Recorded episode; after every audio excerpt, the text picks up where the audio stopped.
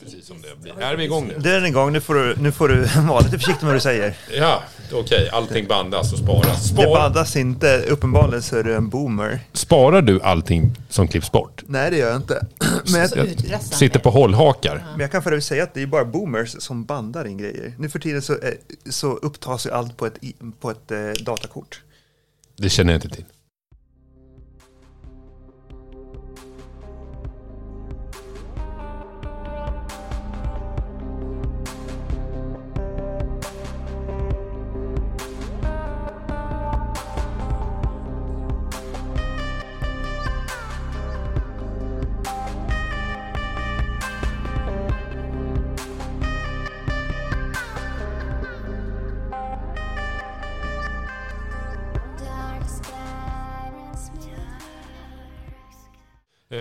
Ska vi välkomna? Ja, okej, Lyssnarna. varsågod. Du får välkomna dem. Jag, Välkomna. Jag, ti- jag tillåter dig att välkomna. Tillåter du mig? Förlåt. Men vad, vad trevligt. Du lämnar över ordet till försvaret här. Före åklagaren, lite ovanligt. Eh, välkomna till Rättssalen. Podden som, vi har väl någon underslogan. Jag har glömt den för det var så fruktansvärt länge sedan vi satt här. Podden där alla samlas. Alla Där- möts. Där alla Nej, möts. rättssalen där alla möts. Där alla möts, just det, så är det. Eh, det var länge sedan. Väldigt länge sedan. Vi har ju sett varandra i andra rättssalar under tiden och haft lite semester. Eftersom trycket är så enormt på att vi ska släppa ett nytt avsnitt så har vi äntligen då lyckats samlas här. Helt oförberedda. Alla Vågar jag påstå att vi har? Jag två- är det i alla fall. Alla våra två lyssnare har hört av sig. Ja, precis. de, är, de, är, de väntar ängsligt här på, på nästa, nästa avsnitt. Eh, nog om det. Gud, så förberedda är vi. Eh, vad ska vi prata om idag? Valfläsk. Valfläsk. Val i elfte timmen. Mm. För det är val på söndag. Och idag är det fredag. Så med andra ord kommer vi inte hinna få ut det här innan folk har gått till valurnorna. Och jag tänkte att det egentligen är ganska hedligt av oss. Nu har jag godis i munnen, det är därför jag... Men eh, det är hedligt av oss för att eh, jag tycker lite grann att eh, då påverkar vi ingenting med, vår, med våra stora outreach. Ja, det gör vi ju inte. Vi hade ju kunnat tippa över Som de vågskålen. influencers vi är. Ja, visst. Det, det, jag vet att vissa har ju, Ebba har ju varit jättenervös över att vi ska få ut det här avsnittet i tid. Ja. Ja, men, men det blev ju inte så. Nej, Grattis Ebba, ja, precis. säger vi. Ska Och vi... stackars Nooshi som inte får dina synpunkter. Nej, hon är jättebesviken. Jo, precis. Jag kommer inte bli bjuden till, till, eh, Hennes kalas. till partistämman nästa gång. Ja, Det vet man ju och inte. nej, Det beror på vad du väljer att göra med ditt liv. det är sant. Du kanske engagerar dig. Svårt att tro det. Nihilistisk som jag är. Vi börjar med dig Christian. Christian Stablewski. Jag är en domare på en tingsrätt i norra Sverige. Närmare bestämt Luleå. Sveriges Klondike. Ja, skillnad... jag sitter och näsfnissar. Varför då? Jag vet inte. Ja. För det är fredag. Och Jonas är Åklagare i Luleå. Advokat i Luleå. Anna Melander. Melander. Ja. Magnus Söderlind, advokat i Luleå. Men det visste ju alla, för nu har vi nått ut till så många. Eller? Mm. Jag har ingen koll på det. Hur många vi har nått ut till. Det där är ju affärshemligheter. Jag tänker inte avslöja det. affärs- Ah, okej. Men kan man inte se det om man går in på så här listor? Jag har med sett vad det är för, jag har sett siffrorna men jag tänker inte avslöja det i etern. Typiskt rådmän. Är, någon, är väl någon familjemedlem kanske. Till någon av oss. Kan vara det. Tveksamt, men, men hur som helst. Valfläsk, Ja. det är det det ska handla om. Och, och det kan vi väl vara helt öppna med att vi är väl, hyf, ja, inte hyfsat, vi är väl 100% oförberedda. Du sitter med en dator Christian. Ja. Vi tänkte googla fram valfläsk eh, som har koppling till, till juridik, alltså med andra ord straffrätt, för det är ju det det handlar om i de här sammanhangen. Förslag på, på åtgärder och omarbetningar av, av rådande eller gällande rätt. Eller inga omarbetningar, för vissa partier verkar inte ha några förslag överhuvudtaget. Nej, trevligt. Ett tecken på sundhet och eh, gott rationellt tänkande. Nej, nej, skämt åsido, vi får se lite grann vad de har. Eh, så vi betar väl av parti för parti. Och jag tänkte, jag föreslår i alla fall att vi börjar med eh, Sveriges eget svar på Front National. Eh, Kristdemokraterna. Det där får stå för dig i och för sig. Ja, ja, nej, men Ebba Busch och Marie Le Pen, det är väl ungefär samma. Okej. Enligt min uppfattning. Jo, jag, jag måste hålla liksom mina kort rena. Så att utifall hur världen ser ut efter 11 september så vill jag inte bränna mina broar. så, så jag, jag vill behålla mitt jobb. Så, att, så att jag tänker säga så här, jag, jag, jag, eh, det här får stå för dig Magnus. Ja, det får, det får stå för mig. Jag, jag ska förklara lite grann varför jag säger på det sättet. Det har att göra med det här valfläsket, det juridiska valfläsket. Ja. Eh, och bland annat punkten 1 som jag föreslår att vi börjar med. Eh, tvångs, tvångskastrering av våldtäktsdömda. Men jag kan för övrigt säga så här att det, det, det har ju förekommit i media att Ebba Busch har sagt det. Ja. Men när man tittar på Kristdemokraternas hemsida, deras valplattform, så står det ingenting om det. Så Nej. det kan, det kan ju vara hennes egen lilla påhitt. Ja, ja, precis. Men kan vi ta Ebbas lilla påhitt? Gör det. Vi gör det. Ja. Tvångskastrering av våldtäktsdömda. Ja. Vad säger åklagaren? Jag antar att det är kemisk kastrering vi pratar om. Det är det. Jag hoppas det. Ja, vi får nog... Ja, men hon har varit tydlig med det. Okej. Hon ska inte skära av kulorna rent fysiskt, Ja. utan kemisk kastrering. Eh, Man ska vara försiktig med, med påtvingade medicinska ingrepp. Eh, Däremot har vi ju eh, rätt psykiatrisk tvångsvård. Till exempel så i vissa fall har vi ju, har vi ju accepterat eh, att det kan vara nödvändigt.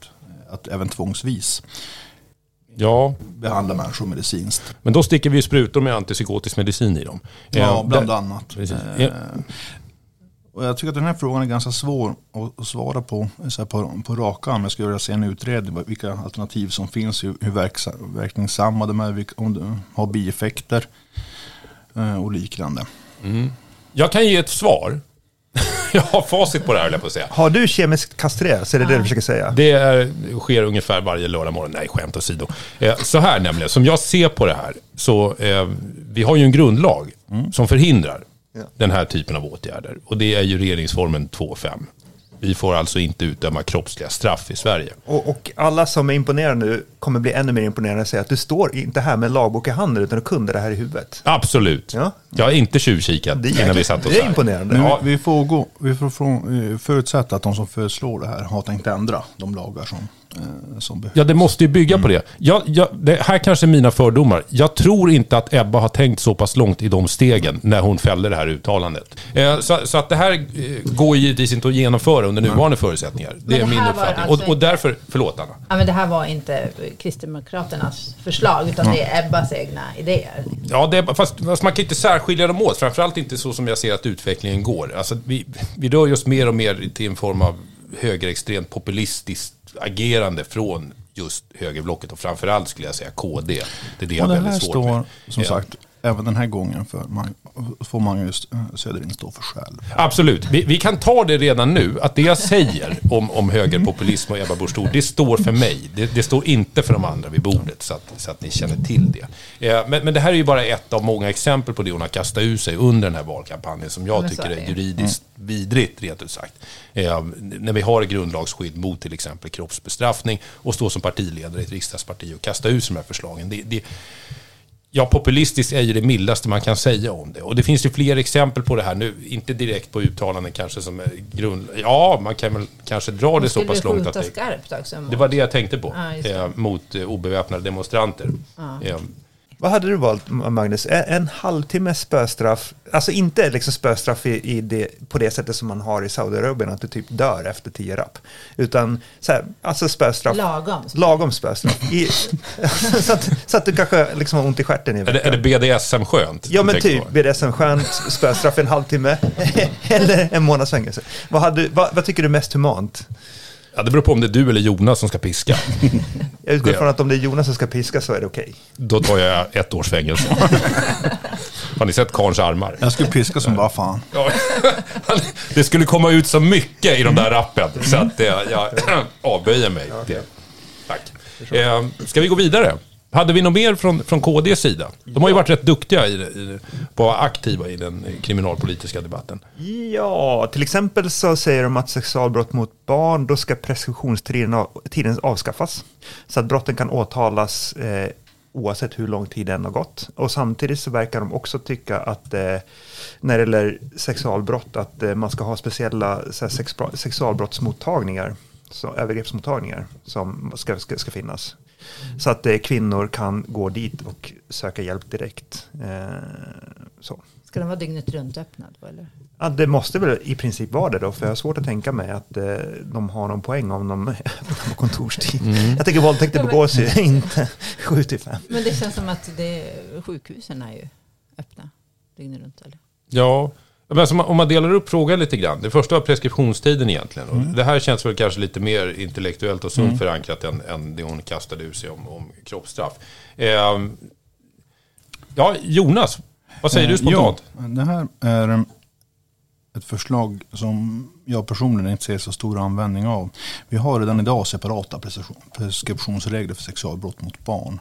Där preskriptionsregeln, eh, preskriptionen bör räknas från det att de fyller 18 år. Vilket gör att den är tämligen lång. Och så mycket längre, alltså blir brotten för gamla så går de ändå av, av, olika, av andra skäl och inte att utreda. Så jag, jag tycker att som pre- preskriptionsregler som finns för sexualbrott mot barn i dagsläget är bra. Däremot hade jag gärna sett samma, samma preskriptionsregler för våldsbrott mot barn. Eh, Brott mot barn an, anmäls ju ofta eh, en tid efter händelsen när barnen blir äldre. Vilket gör att man bö- bör kunna ha separata preskriptionsregler för brott mot, mot barn. Så jag skulle gärna se en kopiering av det, av det regelsystem som finns för sexualbrott mot barn, för våldsbrott mot barn. Jag skulle gärna se dig som politiker, Jonas. Ja, Ja. det hade blivit... Det här var banne mig det finaste jag sagt sen Jonas konfirmerades, tror jag. Vilket var ett tag sedan. Är du konfirmerad Jonas? Nej. Nej. Nej. Men varför sa du det Magnus? bara utgick ifrån det. Okej. Eh, ja, nej men jag delar väl din uppfattning i det där. Ja, Ja, ja det ja. var absolut. Jag kan inte göra något annat än att dela uppfattningen där heller. Sen har vi nästa. Ehm, De tycker att man ska höja straffen för vålds och sexualbrott. Eh, Och sen så tycker de också att eh, det som de kallar för dokumenterade övergrepp mot barn måste tas på större allvar och brottet bör flyttas till det kapitel i brottsbalken som behandlar sexbrott. Och här uppfattar jag det som att det de menar är barnporrbrott. Tänker jag. Eh, det, det där är ett snyggt grepp tycker jag, för att vi har ju bland mina kollegor diskuterat just uttrycket barnporrbrott. Att, eh, eller barn, barnpornografibrott heter det ju såklart. Eh, det är ett konstigt ord, barnpornografi. För att eh, pornografi är ju ett ord som skulle kunna signalera någon typ av lustfylldhet också. Det, det är ju liksom ett ord som inte är entydigt negativt alltid. Nej. Eh, och därför tycker jag just ordet barnpornografi blir liksom en märklig kombination. Och då tycker jag att det, det är bättre att man kallar det för dokumenterade sexuella övergrepp mot barn. är ju ett rimligare ord att använda. Och det verkar ju Kristdemokraterna göra. Och sen tycker jag också att eh, nu är barnpornografibrotten, de ligger ju i brott mot allmänheten i det kapitlet. Och, och det är också väldigt konstigt. Det är ju rimligt att ha dem i, i kapitlet som behandlar sexualbrott. Ja, det så, håller jag med om. Så det, här är inget, det här är inget dumt förslag, Nej. tycker jag. Nej. Men vad gäller själva begreppet i sig, alltså pornografi per definition är väl framställan i ljud och eller bild av sexualakter. Ja, precis. Och det är inte i sig negativt, tycker jag. Och framförallt Nej, så- det behöver det inte vara. Och framförallt så, så får man intrycket när man, när man kallar det pornografi att det skulle finnas någon form av frivillighet eh, från de deltagandes sida. Och det gör det definitivt inte när det är Men barn. ligger det i uttrycket? Ja. ja. Man, man skulle kunna uppfatta det, inte nödvändigtvis, men det låter lite, det är, speg, det, det är ett ord från en annan tid naturligtvis, från 70-talet. Men, och, och den speglar kanske inte en annorlunda syn om man hade, utan det, det bör kallas, jag vet inte exakt vad man ska kalla det, men det bör spegla det det faktiskt är, dokumenterade över, sexuella övergrepp mot barn. Så att, man borde, så att det är rimligt, det här förslaget. Tycker jag. ja, jag håller med. Vad säger du, Anna? Nej, men jag håller med. Eh, och när det gäller straffskärpning kan, kan konstateras att eh, man ganska nyss gjorde det. Man, Ja. man ökade minimistraffet från sex månader till ett år. Vilket jag tycker är ganska vettigt. Ja. Jag vara Just vad, dä- däremot blir det ju ofta så här, och det, det bär ju lite grann av valfläskets prägel får man väl säga, att när det börjar dra ihop sig nu att vi ska gå till urnorna, så är det ju ofta mycket fokus på att höja straffen för sexualbrott. Alltså det här är inte första gången vi ser det här och definitivt inte det enda partiet som lyfter fram det här. Nu ska det skärpas, vi har minimistraff idag för våldtäkt på tre år, det ska upp ännu längre. Är det inte KD till exempel som har föreslagit att minimistraffet ska vara sex år? Jag har för mig att det kom för någon dag sedan. Jag har sedan. inte läst någonting sånt, men Ja. jag höll ju på att få... Ja, jag reserverar mig lite grann, men, men något av partierna kastade fram det här. Det kan ha varit SD också. Jag är lite osäker. Jag kan säga att jag blir inte överraskad om någon hade kunnat säga något sånt Nej. korkat. Ja, och, och det kan man ju tycka givetvis, och det är väl inte helt världsfrämmande att, att höja straffen, de förhållandevis redan höga straffen. Och när jag menar förhållandevis så sätter det lite grann fingret på varför det blir valfläsk. Därför att man lämnar en hel del andra brott. Det här vet jag, jag tror att vi har varit inne på det här tidigare, bland annat du och jag Jonas diskutera det just om man jämför med, med till exempel grov misshandel eh, som börjar på ett och ett halvt år. Och att det, det kan bli en knepig differens sett till de olika brotten om man till exempel inte bryr sig om det eller man för ju uppenbarligen inga politiska linjer vad gäller till exempel grov misshandel och så har man kanske ett tre, fyra dubbla straff. Ty, tyvärr tror jag att vi är långt ifrån den tid politiker faktiskt kunde ta ett helhetsgrepp om frågor och utreda. Ja, det blir en ny brottsbalk eh, helt enkelt. Man kan ju inte ens komma, man, alla är överens om att vi behöver ändra skattesystemet till exempel. Men ingen förmår tillsätta en, en arbetsgrupp för det. Så jag tror att det är därför det blir så här att man höjer, eller tittar på, på brott för brott för brott. Eller vissa brottsgrupper, och våld och sexualbrott. Och istället för att ta ett helhetsgrepp. För ungefär tio år sedan så var det ju ett, eh, en utredning som var väldigt massiv där man skulle reformera påföljdssystemet ganska kraftigt. Eh, och det fanns jättemycket bra förslag i den och det verkar vara väldigt sammanhållen och genomtänkt produkt. Men det fanns en del riktigt idiotiska eh, förslag där också. Så det, var ganska upp, det var ganska uppenbart den skulle aldrig någonsin kunna bli verklighet. Men, men pro- problemet var att den, den försvann ju bara någonstans Jo. i etern. Jag vet inte exakt vad som hände. den. Därför ett förslag i den som jag gillade var ju att man skulle döm, kunna döma folk till eh, sluten LSS-vård. Det tyckte jag var en skitbra idé. För att det finns en kategori av brottslingar som, som man inte kan döma till fängelse. Och man kan egentligen inte heller döma till skyddstillsyn bara för att de håller på att återfalla i brott nå, nå, väldigt mycket. Jag tänkte säga något djävulskt, men det, får man, det är våran podd så jag får svära. Ja, de, ja, återfall, de får återfaller i brott något djävulskt. Eh, och det, liksom, det, det kan vara liksom folk med Downs syndrom eller, eller folk som är ja, förståndshandikappade eller något sånt där. Eh, och, och, liksom, och då det hamnar man i situationen, vad ska man göra åt de här? Och typiskt sett så, nu, som det ser ut nu, så dömer man ju till skyddstillsyn. Man dömer dem till skyddstillsyn, man dömer till skyddstillsyn. Det, det, det, jag har sett fall där- där liksom någon som, som, är, som har Downs syndrom som tvångsmässigt eh, snattar hela tiden och gör det gång på gång på gång på gång på gång. Eh, och liksom, där, de hamnar i en konstig, konstigt läge där man till slut kanske hamnar i en station där man måste döma till fängelse fast det är helt olämpligt att göra det. Ehm, så att jag, det, det hade varit en jättebra påföljd tycker jag. absolut. Och det är konstigt att inte den har införts tidigare. Nej, anledningen till att det inte infördes var ju för att man i praktiken avskaffar fängelsestraffen för Jo. straffvärden under ett år. Och det skulle aldrig någonsin kunna gå Nej. igenom. Nej. Jo. Men hur Ja, men det är ett bra förslag. Mailar du respektive parti om det här? Nej, nej, men jag Vi tänkte i alla har fall... åtminstone 24 timmar på oss för dem att kabla ut det här Ja, och vinna lite röster. Men, men du, att det, jo, jag tänkte att eh, det, det, det som är problemet att man gör ju sammanhållna ibland, men sen så liksom försvinner de ju bara. Det är det som, alltså det händer ju, det, det finns liksom inte, jag vet inte, det verkar inte finnas någon uthållighet. Eller Nej. så. Nej. Nästa punkt var ju så här, motverka våldsbejakande islamism, motverka hedersbrott och man ska ha brottsutsattas behov i fokus. Det är väl inga kontroversiella åsikter? Nej, Det, det finns liksom, det, ja, eh, stoppa, stoppa stöldligorna. Vi vill Finns det något parti som inte vill stoppa stöldligor? Nej men lyssna, vi vill skärpa straffen för inbrott till minst ett år i fängelse. Hur tycker Jonas om den lagändringen? Har, har, du, har du några starka synpunkter mot det? Inbrottsstöld ska ha minst ett år, Jonas. Man skulle ju kunna säga att det redan är så idag. Det kan man säga. Kristdemokraterna har inte öppnat lagboken. Nej. Det kanske man ska göra innan man, man lägger ut de här förslagen. Stå på deras valprogram på riktigt. Det står på det sparprogram på riktigt. Jag ska säga så här. Vilka elaka skratt! Senast uppdaterad 10 juni 2020. Ja. Och då kan vi väl säga att, att det där är redan uppfyllt. Det finns ett brott som heter inbrottsstöld numera. Vilket då straffar inbrott i bostad, stöld genom inbrott i bostad. Och minimistraffet är ett års fängelse. jag, jag kan ju nämna det att eh, jag skickar en inbjudan till Ebba om att vara med i vår podd. Okej. Eh, jag har inte fått något svar. Vilken du? överraskning Magnus. Vi har ju sån fantastisk outreach. Det skulle vara väldigt Ja. värdefullt för henne. att Ja, visst. Jag, jag är djupt chockad är över den här... Ja, vad ska vi kalla Du skriver det? att det är en utmärkt tillfälle att marknadsföra sin politik för tingsnotarierna i Norrbotten. Ja, visst. Ja, men själv, av uppenbara skäl. Men, men. Ja, så kan det vara.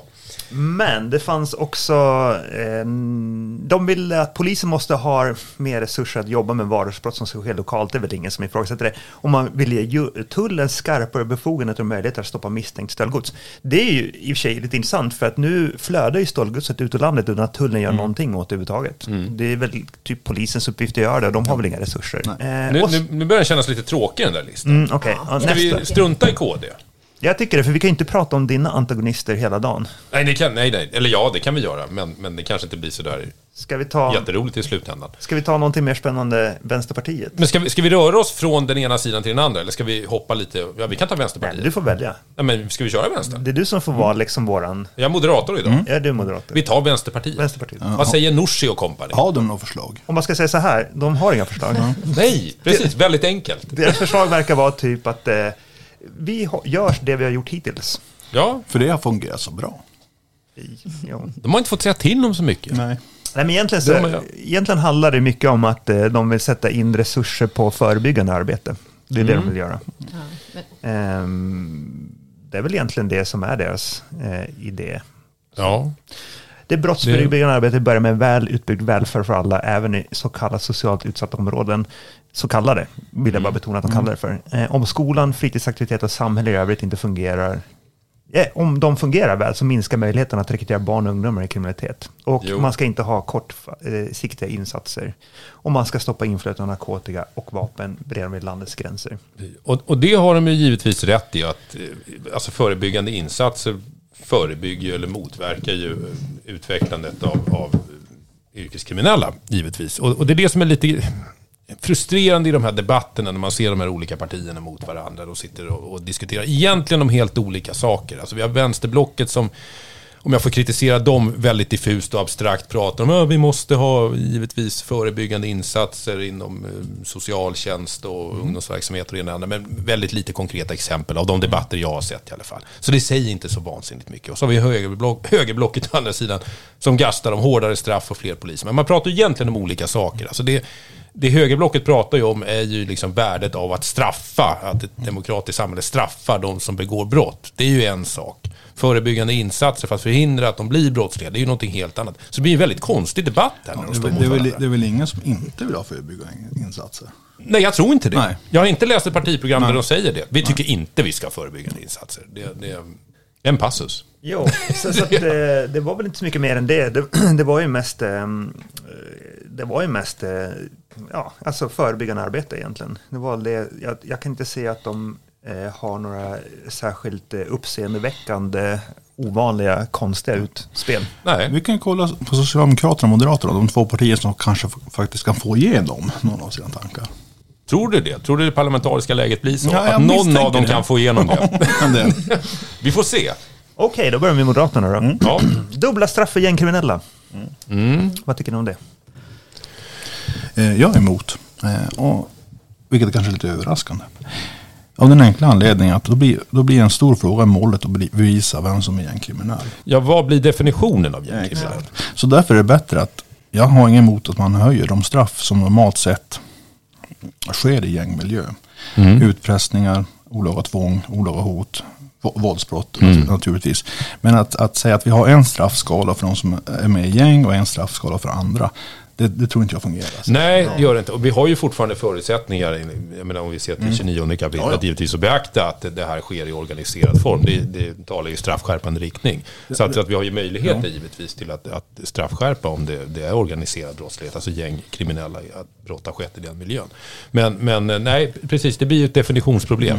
Ett, Så, ett problem med den svenska gängkriminaliteten är också att eh, många av de här så kallade gängkriminella tillhör ju så väldigt löst Ja. sammansatta nätverk. Så man vet ju knappt ens vad det är för någonting egentligen. nej, det blir ju väldigt, väldigt svårt. Det är ju bara så här förorts... Liksom så här, det, det är gamla kompisgäng som, som, liksom så här har, som hänger ihop och sen utvecklas vidare. Ja, nej, Det, det, var ju lättare på den tiden där det stod Bandidos till exempel. Precis. Eller HA eh, eller så. Ja, nej, men det blir, det blir ju en definitionssvårighet i det där. Men eh, det här, upp, det här finns ju uppenbarligen i Danmark.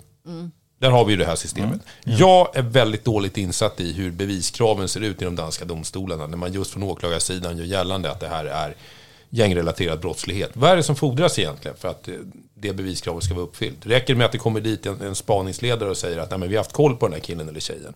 Ja, de tillhör den här grupperingen. Nöjer sig domstolarna med det? Är det någon som har en aning om? Jag har ingen aning om det faktiskt.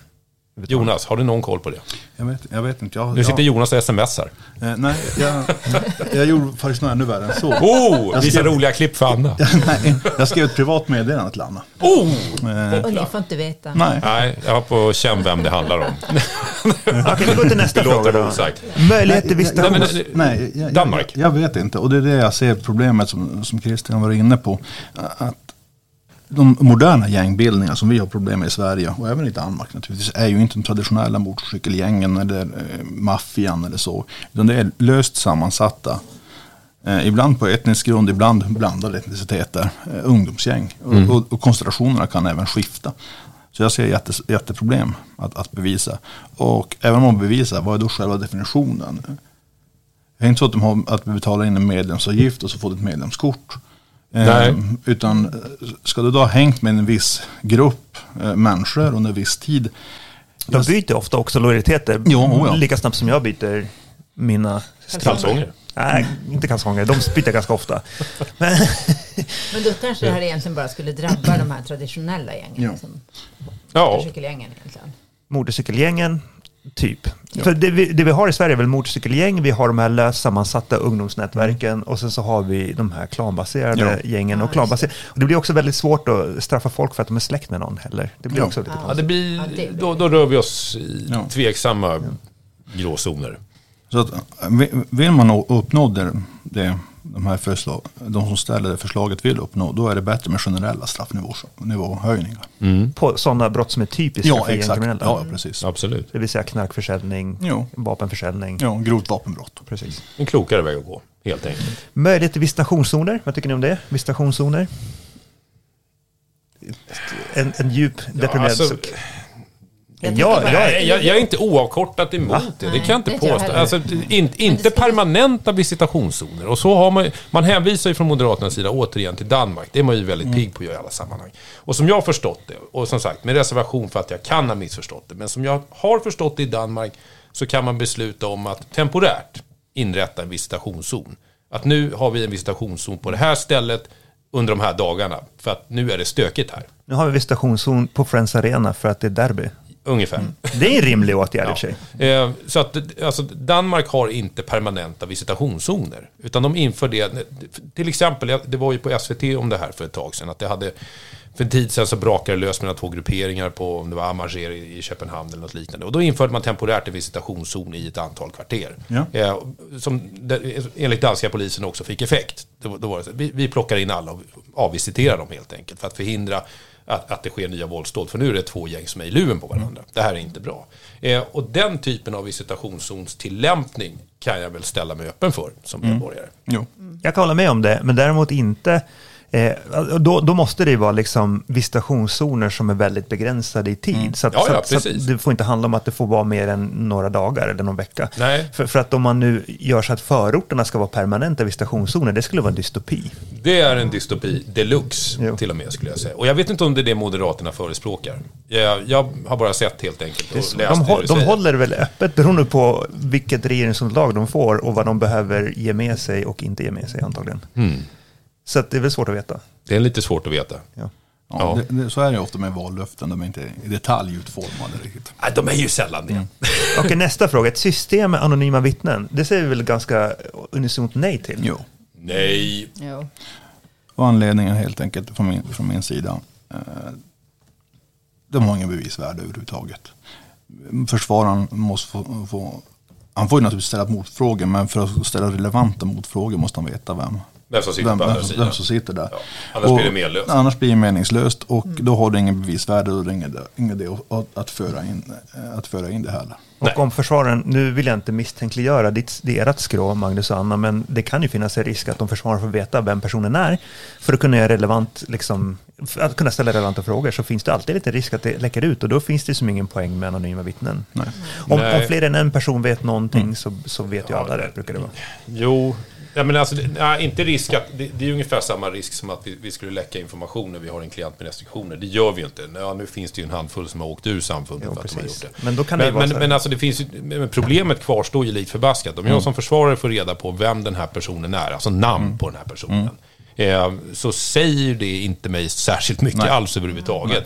Eh, det är ju våra, genom våra, våra klienter vi får en kontext. Men utsätter inte det det för en risk också? Om du skulle försvara något väldigt, väldigt kriminellt nätverk som har hög våldskapacitet Ja. och det nätverket säger så här, nu har du fått veta vad den här killen heter. Du säger vad den heter, annars plockar vi dig och din familj. Ja, men, Jag tror inte det funkar riktigt så. Eh, Min erfarenhet av att försvara vad, vad som i allmänhetens ögon kallas yrkeskriminella och gäng, alltså medlemmar i gäng, eh, är, alltså jag, jag har aldrig varit i närheten på... Fast å andra sidan, vi måste ju tänka sån. på, det är så det ser ut nu, men vi måste ju också ha lite höjd för hur Sverige skulle kunna bli på sikt. Om Jo. det här blir som Ja, men- Colombia. Ja, jag, förstår vad du menar. Men min erfarenhet som det är i nuläget är i alla fall att de vet om vad lagen säger, de vet om hur jag som advokat jobbar och det har, för mig i alla fall, hittills respekterats jag, fullt tror, ut. inte- jag tror inte Pablo Escobar hade respekterat det. Nej. Ja, det finns väl en risk för det kanske, att han inte hade gjort det. Men, men som sagt, det spelar ingen roll om att bara advokaten känner till det. Man måste ju fråga sin klient, eh, har du något otalt med Anders Nilsson? Exakt. Eh, För annars spelar det ingen roll om Magnus själv vet att vittnet heter Anders Nilsson. Nej. Det säger honom ingenting. Men nästa, nästa, alltså ett annat problem, ett, en annan grej också, att det här skulle då, om, om man skulle genomföra system med anonyma vittnen så skulle det vara bara för en väldigt, väldigt liten kategori människor. Det skulle förekomma så extremt sällan att det skulle egentligen inte ha någon praktisk betydelse egentligen i det stora hela. Nej. Det skulle vara en symbolåtgärd alldeles oavsett. För det, det skulle ju bara komma, det skulle, alltså så här, vi hanterar ju 100 000 brottmål per år i domstolarna, eller mer, alltså långt mycket mer än 100 000. Och då kanske det här skulle bli aktuellt i en eller två av alla de här målen. Så. Men, men eh, hur ska man göra då med, med tystnadskulturen? Jag tycker att man måste ha bättre vittnesskyddsprogram i Sverige. Jo. För det har vi ju knappt Det någonting. verkligen Här vill jag att Anna svarar på. Jo, du är ju expert på det. Ja, precis. Men jag kan ju inte göra det. Du kan inte svara. Vi kan inte svara. Nej, men, men rent generellt, vad gäller just möjligheterna till vittnesskydd idag, vad, vad har du för uppfattning om det? Ja, man kan väl få givetvis eh, visst skydd. Eh, ja, jag vet inte vad, du- vad menar du? Nej, Tycker du att det fungerar? Så här, Ja, men det tycker jag inte. kan du få en påse pengar och typ eh, ett medborgarskap i Bali?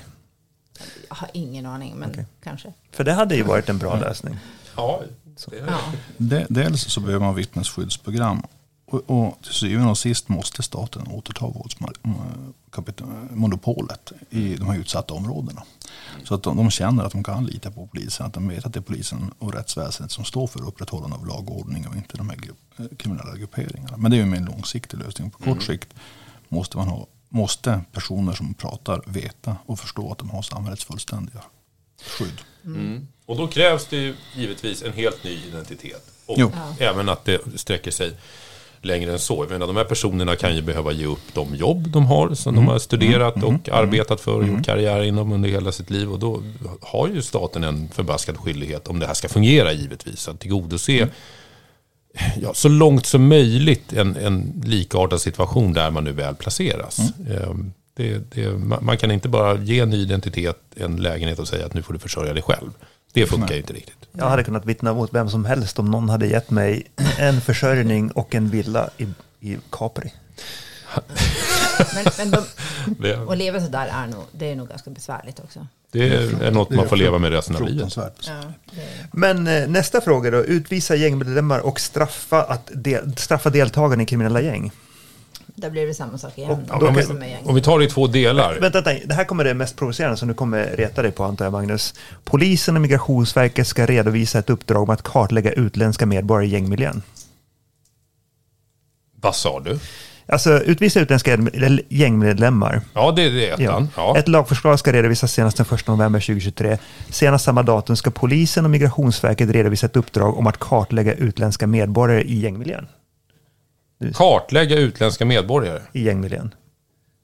Vilket, vilket innebär också att eh, om man ska kartlägga människor i en gängmiljö så måste man ju också kartlägga människor som inte är i gängmiljö för att Mhm. veta att de är i en gängmiljö. Mm. Så, så det innebär då att vi måste kartlägga utländska medborgare, punkt.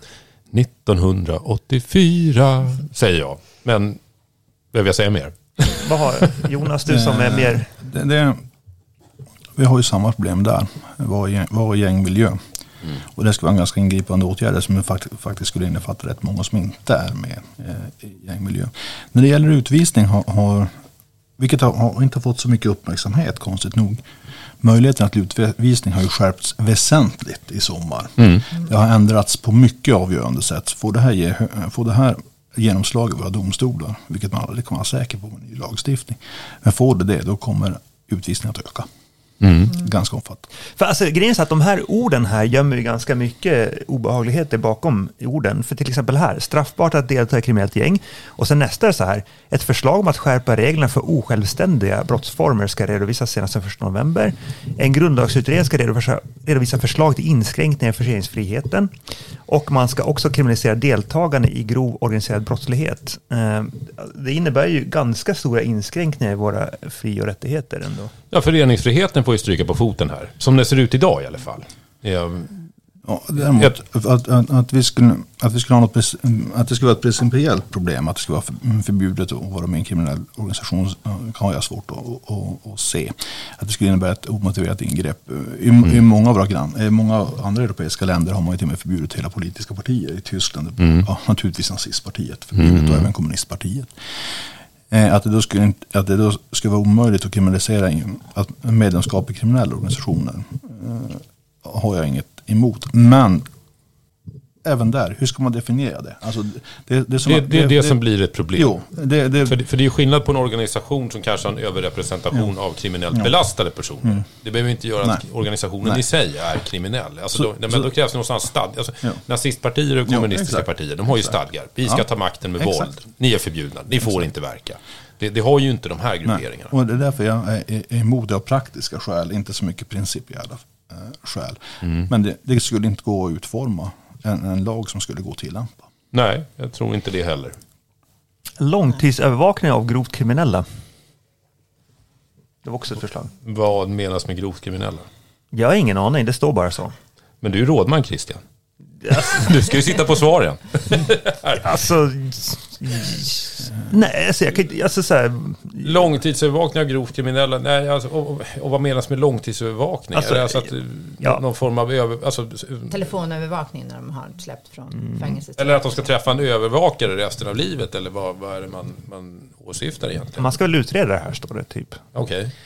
Men grovt kriminella, är det liksom någon som återfaller i brott jätteofta eller är det en person som har begått grova brott eller är det både och? En patologisk snattare. Nej, Precis. Jag jag skulle gissa, eh, nu, nu tror jag inte att de har tänkt så långt själva, men jag skulle gissa att man menar att folk som återfaller i, i brott med typ ett, ett, ett och ett halvt, två år minimistraff, skulle jag gissa. Det kan inte vara en dålig idé i sig, tänker jag. Proaktiv avlyssning och dataavläsning av gängkriminella. Återigen definitionsfrågan.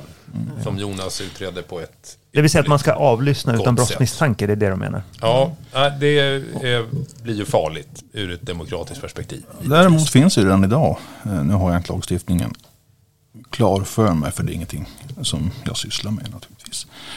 Men polisen har ganska långtgående möjligheter att använda vissa hemliga tvångsmedel i underrättelsesyfte. Inte avlyssning och inte dataavläsning, utan framförallt eh, inhämtande av telefonlistor och liknande. Och naturligtvis skulle det här gå att utforma på ett, på ett eh, rättssäkert sätt. Men man kan ju inte ha själva medlemskapet i en kriminalisation som grund av de skäl vi har, gått Ja. igenom. Fast Utan nå, någon, någon typ, det blir väl snarare frågan om att sänka, sänka misstankegraden skulle jag gissa.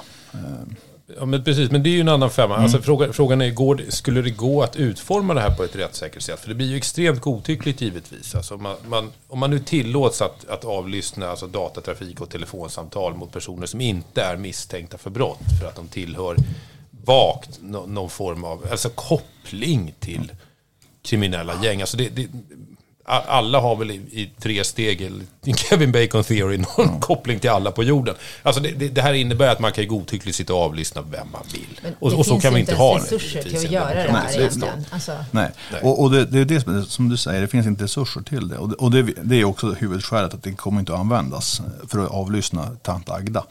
Eh, för man har inte ens resurser att avlyssna om vi har rättslig grund att kunna avlyssna.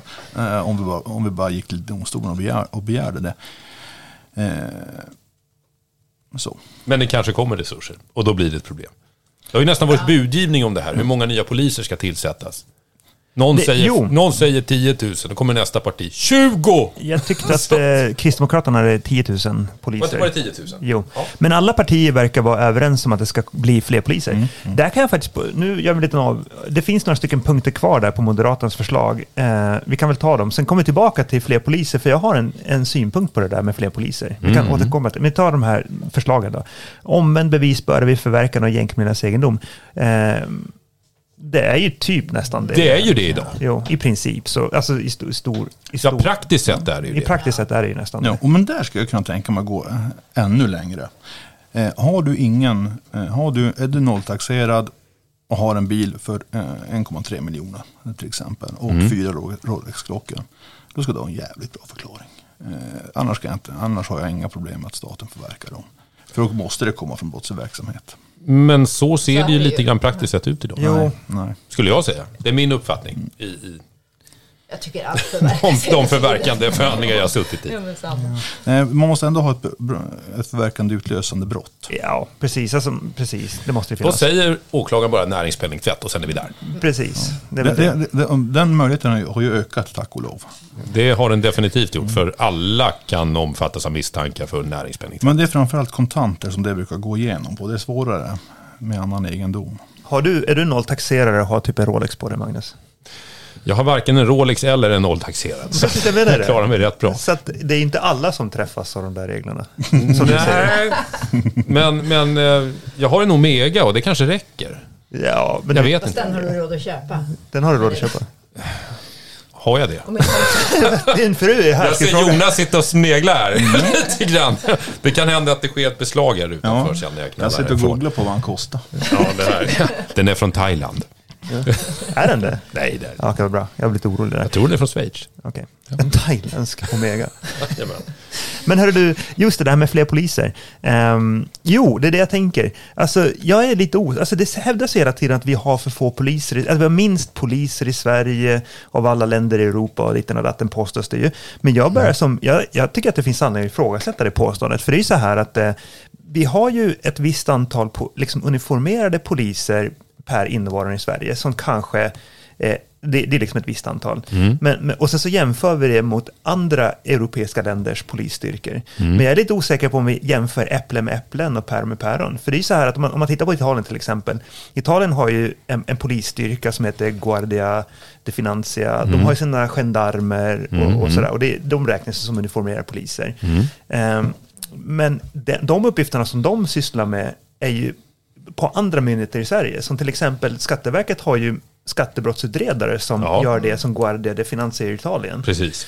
Och vi har ju liksom ordningsvakter som sysslar med väldigt mycket polisiära uppgifter eh, som är det som poliser sysslar med i andra Det länder. går ju bra. Jo, och sen så... jo, det, det är en annan fråga dock om det är lämpligt. Det är en helt annan fråga. Precis. Men sen så har vi också, vi har ju tullen som sysslar med polisiära uppgifter och vi har liksom Kronofogdemyndigheten sysslar med polisiära Så är det uppgifter. nog i de flesta länder. Eh, Men jag är liksom osäker på, jämför vi liksom polis mot polis? Eller jämför vi liksom typ polis, liksom så här semipoliser mot poliser? Ja, jag förstår vad du menar. Förstår vad jag menar? Jag, Men- Och jag jag gissar, ingen att, jag gissar att när vi pratar om i andra EU-länder, då har vi en gemensam statistisk myndighet. Så då antar jag att det finns definitioner man ska följa. Mm. Men när man jämför med länder utanför EU, då kan det nog vara väldigt Jag är lite osäker om, om vi liksom hänför skattebrottsutredare och ordningsvakter in i kategorin poliser när vi rapporterar in det Ingen, till ingen aning. Ingen aning. Men, men det som stör mig med den här debatten, jag menar det, jag, jag går inte in överhuvudtaget på huruvida vi ska tillsätta fler poliser eller inte. Men om vi nu gör det. För, för, vi- alltså, om jag, jag tänkte bara poängtera på ordningsvakter, de, de utför i praktiken polisiära uppgifter begränsade till en viss geografisk yta. Och det. inom det. inom det området får de i princip agera som poliser får agera nästan. De håller inte på att utreda brott, men Mm. Nej. de får ju liksom ingripa i brott precis som poliser. Men det som lyser med sin avsaknad i den här debatten, för det här dyker ju upp också när de står eh, mitt emot varandra vid sina bänkar där och gastar på varandra. Eh, hur många poliser vi, nya poliser som ska tillsättas. Det är att det nämns ju fortfarande inte ett ord om ökade anslag, inte i debatten i alla fall, till de andra delarna av rättsväsendet, till domstolarna till exempel, som ska hantera alla de här åtalen. Eh, det behövs ju definitivt fler resurser till er, Christian, till exempel. Det håller jag med för att kunna om, ta det jag här. vet Och även, jag menar, vad, vad, vad ger ett 10 000 eller 50 000 nya poliser om vi inte har en åklagarkammare som kan hantera det här? Vi, vi, vi har ju eh, fått ganska mycket ökad tillslag, eller anslag. Där, däremot så är det Polismyndigheten, det är där det kostar. Mm. Eh, För Det är det är där det måste plöjas in, in, in pengar. Polisen är i och för sig ett svart hål. Det har det alltid. Så Jo. länge jag har jobbat i, Oh ja. i den här världen, vilket är snart 15 år, eller det är mer än 15 år, eh, så har polisen varit ett, ett som man, man kastar resurser in i polisen och det händer ingenting. Nej, men, men om jag tar ett exempel från... Va, vad gör de för någonting Jonas? Kan du förklara? Jo, eh, det, delvis har att göra med att beviskraven ökar ju. Eh, I och med att den tekniska utvecklingen går framåt så ställs det mer krav på teknisk bevisning. I och med att mobiltelefonsanvändningen ökar så, så analyserar man mobiltelefoner. Så vi får ju i samma tempo som de kriminella får större tekniska möjligheter att begå brott så ökar ju polisens behov av, av kompetens. eh, och utreda. Så varje ut, alltså utredningen blir större och större rent, rent generellt. Men, men just vad gäller anslag till domstolarna, jag kan ta ett exempel på det här. Jag nämner inte vilken domstol det handlar om, jag nämner heller inte vilken instans det här heller handlar om, om det är överrätt eller underrätt. Men, men eh, jag hade relativt nyligen ett hyfsat stort brottmål kan man väl säga. Som låg och väntade i, ja det var närmare tre år innan det här gick upp till prövning. Eh, Och sett till när det här anhängiggjordes hos just den här domstolen så borde det rimligtvis inte ha tagit mer än, jag säger ett halvår ungefär. Det här ledde ju till att eh, min klient som jag hade som dömdes för förhållandevis för att säga, grov brottslighet eh, fick ju en icke frihetsberövande påföljd på grund av den här tiden det har tagit. Varvid domstolen uppgav i förhandlingen, jag framförde att nu måste jag lägga fram viss kritik av handläggningen från domstolens sida. I mitt slutanförande tog jag upp det. Eh, varvid eh, ja, ordföranden säger då att det är vi vana vid och det är så här det ser ut. Eh, alltså överbelastningen på Ett, ett, domstolen är, ett, är ett, så pass hård. ja, ett utmärkt sätt som lätt, lättare där är att vi ska göra, öka möjligheten att göra mål på handlingarna. Eh, Vi har en ganska gammal processordning. Det skulle också bli väsentligt hårdare sanktioner vid uteblivna förhandlingar. För just nu förspills mycket förhandlingstid på för, eh, förhandlingar som ändå ställs in. För, de- för de dyker, dyker inte Jag kan förutsäga att förhandlingar som ställs in är det som håller oss levande. Om, om, vi skulle, om alla förhandlingar hade blivit av, då hade vi drunknat i arbete. Ja, men, men det För varje- verkar ju, jag, jag får ju känslan av att, att domstolarna drunknar i arbete. Ja, det är korrekt uppfattat. Men vi kan ju börja missa någon gång då och då. Vad säger du? Vi tre. Vi kan ju börja missa och komma. nej, nej, men, Ja, nej, men alltså, jag menar, ska, man, ska man öka möjligheterna eh, eller resurserna för att lagföra folk i slutändan så måste ju domstolarna med på det tåget. Och, och jag har ju inte sett dem hittills stå och gasta mitt emot varandra om att vi måste öka anslagen till domstolarna för att få bukt med, med brottsligheten. på, på, det, på tal om det med inställda förhandlingar, för att vi, de, alla domstolar planerar lite grann som Ryanair planerar sina flighter. Man räknar med att flygen inte, alla kommer inte till flyget, så vi överbokar ju våra, våra scheman egentligen. Så man vi, bör liksom- vara på tingsrätten minst två timmar innan, annars kommer man missa den här förhandlingen. Så, så att det blir lite grann så här att vi, vi, liksom, eh, vi räknar med att saker och ting faller ur hela tiden. Mm. Eh, om det inte faller ur, då, då, då, är, vi, Då ringer ni Då är det jobbigt. pensionären. då är det jobbigt. Ja. Men det behöver ni aldrig oroa er för som hälften av alla förhandlingar ibland ställs in. Eh, Men jag, jag är lite, alltså, jag skulle kunna prata i timmar om det där, men problemet med, med att domstolar har väldigt mycket att göra, det är att man, eh, när, när man har mycket att göra så, så faller man tillbaka, i sitt tänkande och sitt beslutsfattande så faller man gärna tillbaka på tumregler och man faller tillbaka på fördomar, alltså det som kallas för heuristik. Eh, och det innebär ju att rättssäkerheten blir ju eh, Alltså den, den urholkas ju när domstolarna har mycket att göra. För det innebär ju liksom att man, man tänker inte så djupt på saker och ting utan man liksom suddar, sopar av det och sen så går man vidare till Och sen nästa. finns ju advokatperspektivet på det här. För det, I det här fallet till exempel som jag nämnde så hade jag ju en klient som faktiskt led under tre års tid. Han, han ville få det här nu, målet prövat. nu, nu gjorde han ju knappast det. det var inte Jo så- men det gjorde han. Han mådde inte- väldigt, väldigt Ja, då dåligt. Jag kan väl säga att det var erkända brott också. Men Det eh, ska vi gå vidare till sossarna, Socialdemokraterna Och, och det är en Jo. oerhört stress givetvis Jo. att leva med det här åtalet hängande Eh. Så Däremot är det. alltså, så, så ser det ut för oss alla. Eh, hela offentliga sektorn. Eh, titta på sjukvården. De håller på att jobba, jobba ihjäl sig, underbemannade. Staten får kanske fundera över vad staten ska syssla med. Vi kanske inte ska lägga ut 120 miljarder på ett högkostnadsskydd för elräkningen. Det håller jag helt med om. Jag har hållit med Jonas två gånger den här gången. Okej. Det börjar bli rekord. Ja, det, Ökade det finns, finanser det, det finns till in- staten och ehm, ökad statlig verksamhet. Det finns inget som gör mig så osäker på om jag har rätt eller inte. Som du håller med mig. Det är Nästa, det jag njuter av. Socialdemokraterna, för det första har de väldigt mycket lagstiftning om brottsförebyggande eh, arbete och det är väl ingenting som någon ifrågasätter, Nej. det är väl rimligt. Men nästa är då, ehm, det ska vara möjligt att döma gängkriminella till straff som är hårdare än maxstraffen. Eh, till exempel om skjutvapen eller ett sprängämne används på allmän plats. Eh, att använda sig av numerärt överläge ska straffas hårdare. Ja, Men är det här en tankevurpa nu? Alltså döma dem till hårdare straff än maxstraffen? Ja, alltså... Det, det, det är väl slarvigt uttryckt, tänker jag, för att man kan inte Ja, det döma. måste det ju vara. Rent tekniskt kan man... Alltså, Nej, det går ju inte. Om det högsta straffet är maxstraffet, då är det som är maxstraffet. Och Ja. då kan man inte gå över maxstraffet. Nej, det går ju inte. Nej. Jag, jag tror att det är bara för att man vill ut, man menar ju egentligen samma som de här dubbleringarna. Man vill bara uttrycka på ett annat sätt. För att, för Man vill inte kopiera. Moderaternas exakt, partiprogram. Exakt. Eh, Exakt, och, och argumenten mot är ju, eh, är ju precis de samma som. Men innebörden blir ju annorlunda. Dåligt ens. Nytt brott införs, främjande av ungdomsbrottslighet. Det ska vara straffbart att blanda in barn och unga under 18 i brott eller brottslig verksamhet. Det är ju bra. Åh herregud. Ja men hur ut... Ja. Det, eh, jo, jo. Det, det är en viktig... Den, den, Varför är det fel med det? Jag, nej, jag, jag tycker att det är en viktig markering. Däremot kan jag tänka mig att... Jag syftar mer på vad som avses. Nej, eh, går gränsen för främjande? det, är- det är ju bara att man, stämpling och anstiftan. Man- och man- det är det kriminaliserat. Ja, ja. Magnus Eh, vill Då får man ju säga det. Jo, jo. I I, i, och, och, och blir det vidare, vidare än så kommer det inte att vara några... några, det är inte så att det, att det går att bevisa direkt. Nej, nej, nej, men då är jag med på tåget. men, Men, jag tycker ändå att det, att det är en bra markering att, att man får inte använda ungdomar som ett brottsverktyg. ju, självklart Magnus är det vill det. leva kvar i en dickensiansk värld där Fagan har sina ungdomsbrottslingar. Det, det, den rättigheten ska finnas kvar. Annars, annars, Jag säger som du brukar säga, det får stå för dig. om, om inte barnen får leva som Oliver Twist, då är det ingen, då är det ingen poäng att leva, tycker jag. då, då är det ingen poäng. Ja, nej, men det jag reagerar på var ju uttrycket, eller hur man har formulerat det där. Det lät väldigt vitt. Det är klart, Eh. håller vi oss till anstiftan och stämpling, det är någonting helt annat. Men då kan man ju skriva det rimligtvis. Man ska skärpa straffen för narkotikaförsäljning. Mm. Det är väl inget konstigt, det tycker jag är bra. Mm, absolut. De är väl ganska höga.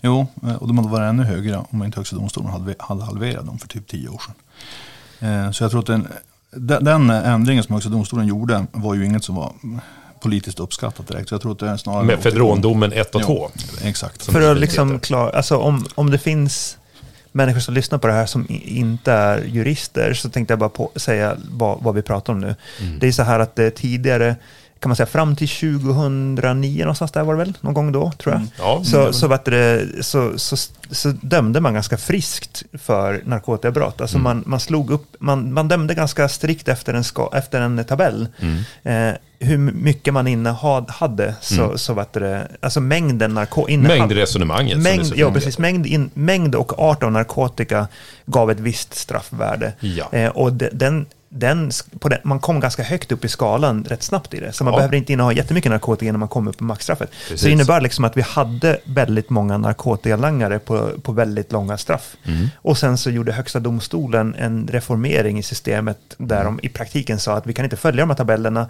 Vi måste ha en mer nyanserad straffmätning. Och sen så, det, i, pra- det som Ja, eller praktik- alltså vi kan följa tabellerna, men ja precis. Kommer Egentligen, nyanserad sa de, straffmätning. egentligen sa de så här, man ska inte följa tabeller, man ska nyansera straffmätning. Ja, Sen så kom de här domarna och sen så liksom ett tag så var det lite osäkert, visste inte hur du skulle göra. Eh, Mm. Och sen så återkom det nya tabeller, fast då var tabellerna slashade till hälften istället. Mm.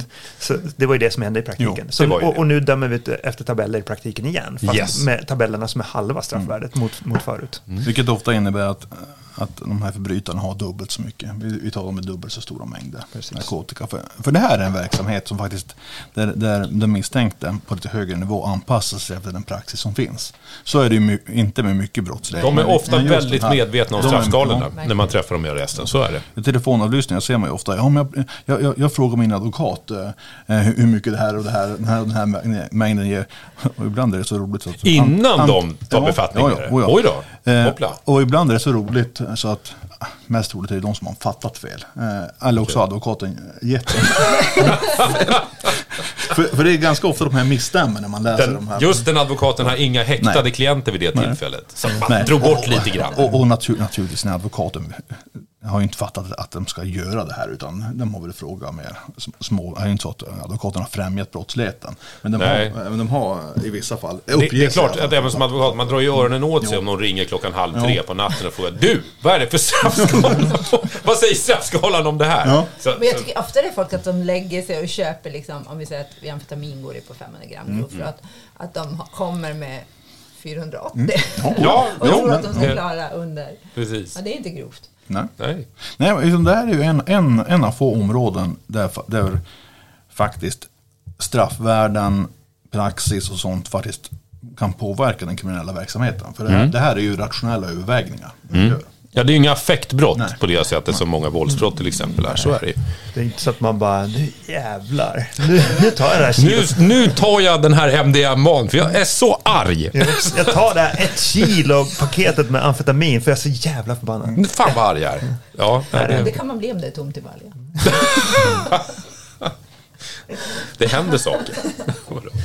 Ja, eh, ska vi gå vidare? Okej, Programmet. man ska sänka gränsen för eh, obligatorisk häktning eh, från två år till ett år och sex månader. Nej. Vad underbart. Åh, vad härligt. Nej, nej, Jo. Det nej. kommer bli för fullt på häktena.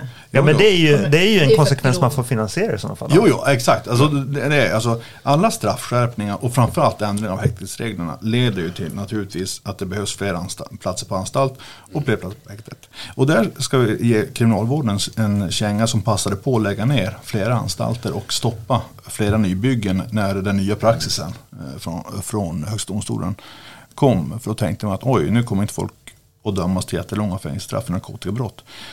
De tänkte inte på att de här då begår andra brott istället, istället på fri fot. Här håller jag ju inte med Jonas. Eller ja, jag säger ingenting om att lägga ner anstalter och liknande. Men vad gäller just att sänka eh, ja, tids, tidsfrist, eller straffskalan, för, eller inte straffskala, men när, obliga, när det ska vara obligatorisk häktning från två år till ett år.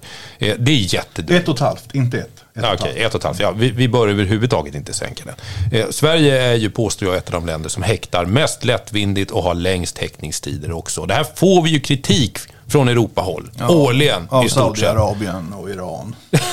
Och vi håller oss inom Ryssland. Europa i alla fall här. Den demokratiska västvärlden. Eh, så att det här är ju ingenting som vi bör främja, det här fortsatta, med, med ytterligare häktningar. Men det här kommer, det är redan en proposition. Ja, och det är skrämmande, Nej. enligt min uppfattning. Jo, men det, det är för att man, jag, uppfa- jag upplever ofta att man från åklagarhåll inte riktigt tänker igenom vilket fruktansvärt ingrepp det är för den individ som blir utsatt för det här. Vad det, vad det innebär för en människa att sitta inspärrad. Med restriktioner som ni alltid... Ni, ni får ju det slentrianmässigt nästan. Nu, är jag, nu går jag upp i varv här, jag är medveten har, om har det. du inte tagit något betablockerare? Nej, jag missade det. Och klockan är halv fem på en fredagkväll. Så att, så att jag börjar gå ur Fredag kroppen. Gårdagsdosen, fredag eftermiddag. han behöver vin. Men där, vänd dig mot Jonas, vänd mot Jag måste bara Christian. på- För det är han som häktar dem. Jonas bara kommer att föreslå. Jo, jag måste bara säga att eh, jag har ju inga synpunkter mot det här egentligen på något sätt överhuvudtaget. Två år, ett och ett halvt år, det berör mig inte överhuvudtaget. Jag tror inte någon domare bryr sig. Det som man vill ha då är mer resurser i domstolarna. För att häktade mål kräver så mycket mer resurser Ja. än icke häktade mål. Eh, och om man ska börja häkta mer människor så måste det innebära mer resurser i domstolarna. för annars kommer ju resten av systemet skära ihop. För att vi går ju redan på knäna. Ja, men, och NFC, ska man sitta och vänta på dem då? Med ännu mer häktade? Men eh, däremot en ändring jag ännu hellre skulle jag se. Jag skulle vilja- vilja se att det var i, stö, i större mån knutet till straffvärdet för gärningen. Precis som avlyssningsreglerna, det finns en straffvärdesventil. För jag tycker att det är ganska stötande om man till exempel eh, som domare dömer någon till tre års fängelse för grov misshandel och släpper ut dem i inväntan på verkställighet. Det finns ingen anledning att, eh, att om du döms till ett långt fängelsestraff att du ska få invänta avtjänat på fri fot och begå nya brott. Det finns ju en svårighet med det. Eller ja, i och för sig. Du, ja, du tänker häktning i samband med dom, Ja. givetvis. Men- när man har fastställt att det här är straffvärdet, okej. Egentligen Magnus, di- dina synpunkter faller egentligen om vi får ett effektivare system med snabbare lagföring. Ja. Så att dina synpunkter handlar egentligen om att folk sitter häktade för länge. Men om man kan... Och för lättvindigt. För lättvindigt kanske också. Det är väl din, precis. Det, men men ehm, om man skulle kunna få en snabbare genomströmning av allting så är ju inte det ett jättestort problem egentligen. Hur menar du då? Att man inte sitter, nu, för nu sitter man ju, alltså, nu, nu häktar man ju folk, alltså när man häktar någon så säger man att en person ska kvarstanna i häkte i två veckor. Ja. Det, ja. Vilket det i praktiken aldrig blir. Det är det jag tänkte komma till. Det blir aldrig det. Utan, utan man sitter nästan aldrig häktad mindre än typ en och en halv månad. Alltså det, det, det är ett under om man får ut målet inom en månad. Två månader skulle jag säga. Ja, precis. Ja, Nej. Minimi. Nej, jag skulle säga att, jag skulle säga att må, många häktningar sen tar det två veckor för tingsrätten att sätta ut dem. Ja, ja, och då sitter de ju kvar. Jo, då sitter de kvar. Men utredningstiden, må, många, det är många man inte begär, alltså inte behöver förlänga. Nej, men, men, men alltså, De- det är nästan som att med minst en och en halv månad blir det ju innan man har huvudfallning från att man blir häktad oftast. Alltså det, det, det är sällan det går s- det går på två veckor tycker jag. I din... Nej, Jag har inte varit med om det. Men precis, för jag har, så- jag har så små utredningar. Så därför går jag så fort i mina. Eller så är det effektivt. Eh, nej, men, men eh, må, många tas ju faktiskt på, på ut, nu tittar vi på utredningstiden på en eller två, eh, en eller, nej förlåt mig, två eller fyra veckor. Sen tar ju alltid tyvärr två veckor för tingsrätten att sätta ut det. Sen komiskt nog så har ju hovrätten alltid tid först åtta veckor. Ja, jo, jo, ja, men så är det. Ja, ja, och, och då har man ju dragit en lyckans lott i sådana fall, om det inte är så att man väntar på svar från NFC. Ja. För då vet vi att då, då rör Ja. vi oss i, Ja. i Och, och det- fyra, det- fyra, fem månader i alla fall. Det Eh, kommer. och det är därför, om vi är beroende på NFC, då har vi inte folk sittande om det inte är jätteallvarlig Mm. brottslighet. Nästa förslag från Socialdemokraterna, återfall i brott ska oftare leda till strängare straff. Och jag kan säga att jag, min personliga uppfattning är att jag tycker det är konstigt att man inte liksom beaktar återfall mer än vad vi gör nu. Mm, det tycker jag också.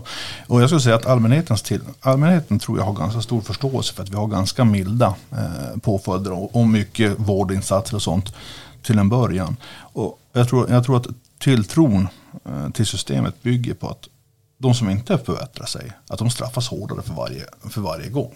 Och jag, har, och jag har också svårt att se att, att varför inte åt, ständiga återfall inte straffas hårdare än vad de gör. Mm. Fast det finns en närmast rättsfilosofisk, tycker jag, aspekt av det där som gör det lite komplicerat. Därför att, och, och då måste man ju gå till botten egentligen till... Nu vad- lever vi ju i verkligheten och Ja, inte, inte, inte i en Och filosofi. så fil- filosofin är grunden till allt. Nej, men alltså, vad är det vi faktiskt prövar? Jo, vi prövar ju det enskilda brottet. Jag menar, ytterst är det ju så. Visst, självklart så ska ju återfall ha en, en påverkan på, på straffmätningen. Så enkelt är det ju. Det går inte att komma ifrån. Det har vi ju idag. Men, men det kan inte liksom nå extrema proportioner, Varför alltså inte? Varför? Varför Därför att det är fortfarande det här brottet man straffar. Och Va? de tidigare brotten som nu leder till en, en, alltså ett längre fängelsestraff, de är ju också i sig straffade. Det finns ju givetvis en, en Vi- vi rättsfilosofisk vi vi aspekt av ingen- att ha ett samhälle som bygger på att du har dömts för det och du har avtjänat ditt straff. Visst, du kan få visst påslag nästa gång för att du återfaller i det här. Det är inte bra. Eh, lite grann närmast i... Det är ju inte en ordning given av Gud naturligtvis. Ja, det är den. Nej, eh, det är det inte. Fa- Han sitter här. Ja, fast det är också ett lite autistiskt sätt att se på saker, om att, att man kompartmentaliserar allting på så här sätt. Typ så att Mm. det här gjorde du då och det här gjorde du då och de har typ inget samband med varandra. Fast det har hänt i ditt liv och det är du Ja, som men ett visst samband har de med varandra. Men det finns ju någonting väldigt, väldigt demokratiskt värdefullt i en rättsstat. Att du har begått det här brottet, du straffas för det och sen får du gå vidare därifrån. Återfaller du i det, ja, det ska ha viss påverkan. Men det får ju inte liksom nå proportioner av att du får dubbelt straff i ett återfall. För det är ju det här brottet vi nu ska straffa. varför- Det tidigare brottet är ju straffat. Magnus, ditt resonemang faller när du säger att det ska ha viss på, påverkan. Varför ska det ha viss påverkan överhuvudtaget? Av precis de skäl som du har redogjort för. Ja, och då kan det ha stor påverkan. Nej, för då slår det över.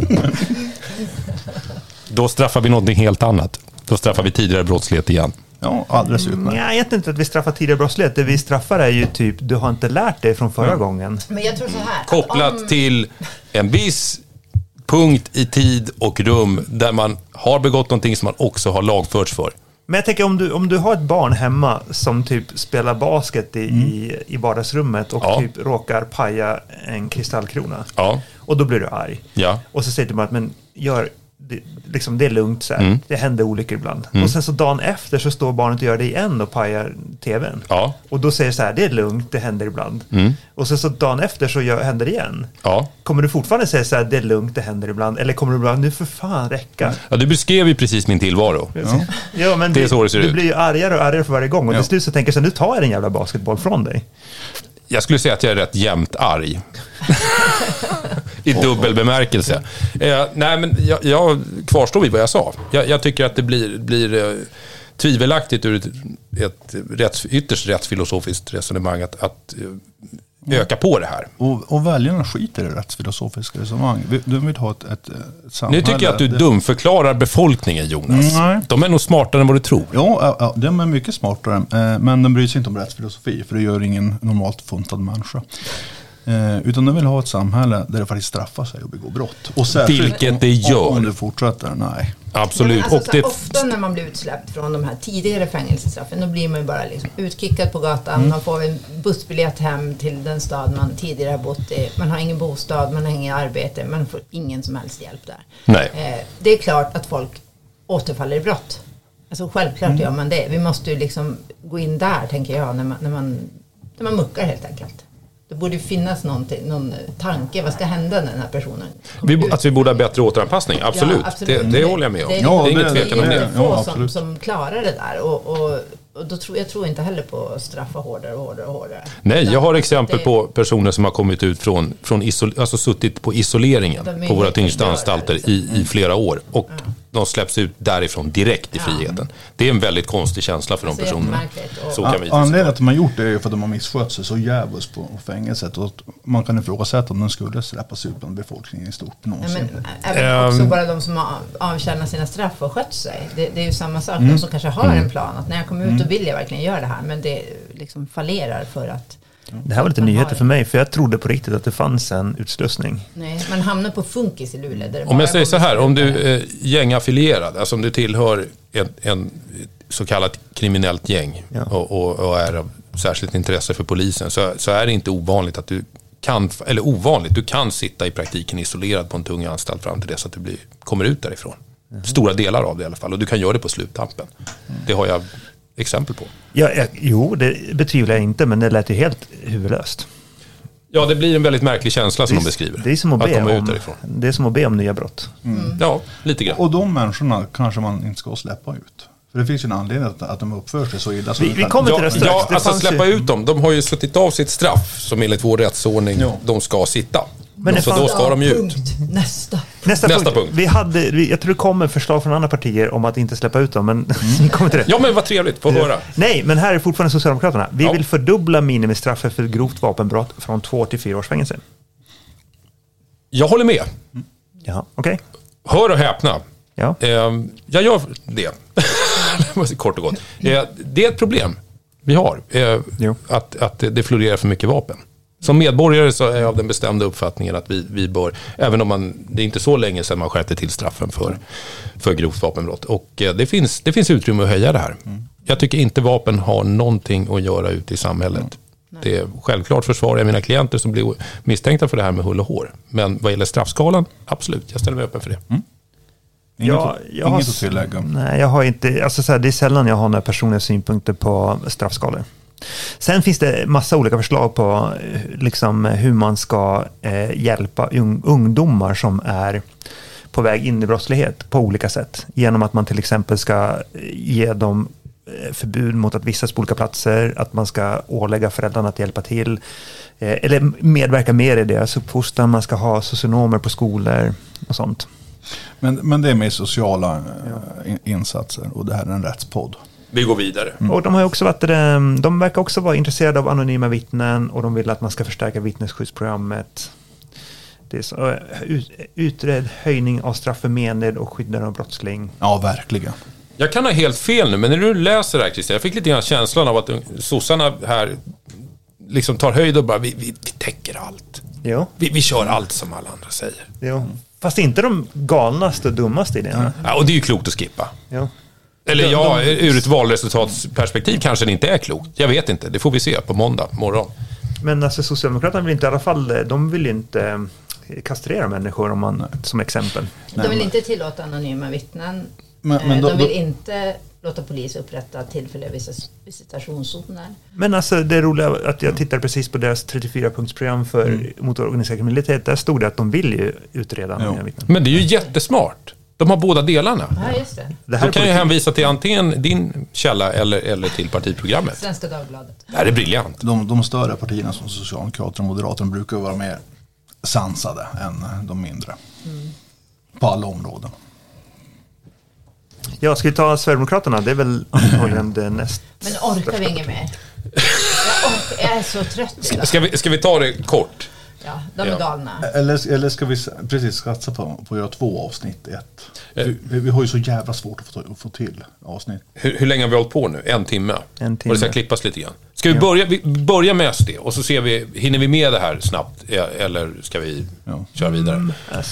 Så, För, eh, för tids nog behöver vi komma till internering och det borde vi väl prata om. Det kan det, vi nog. det har vi ju varit inne på. Det har vi varit inne på, precis. men eh, Sverigedemokraterna, var, var det inte Miljöpartiets språkrör som vägrade skaka hand med Jimmy i senaste debatten? Han, han ville att de skulle sluta... Uttryckte han sig inte så nazister. att kan vi sluta kalla varandra för nazister? Jag vet inte om Jimmy har kallat henne för nazist, det kanske han har gjort. Jag tror inte det. Nej, jag, men hon ville inte skaka hand med honom. Nej, ehm, det är hett nu. Jo, det har varit, det har varit en ovärdig valrörelse. Så horribelt ovärdig. alltså skaka, inte skaka hand eller, eller vilja skaka hand. Vad var problem, alltså vem var ovärdig? Jag, jag förstod det som att Jimmy sträckte fram handen Ja. till Miljöpartiets språkrör Ja. och, och sa, kan vi skaka hand nu och sluta kalla varandra för nazister? Ja, ja, precis, det läste jag i Och tidningen. någon handskakning blev det inte. Och vem var ovärdig i det då? Alla. Alltså, Jag tycker att när, när man har en partiledare som sträcker fram handen och säger kan vi sluta kalla varandra för nazister, då är valrörelsen ovärdig per Jo. definition. Jo. Den, den har skenat iväg. och Kan då- man inte göra så att man spottar i sin hand och sen bara, ja det gör det. Och så skakar man hand. Att hon inte tänkte på det. Det hade jag gjort. Ja.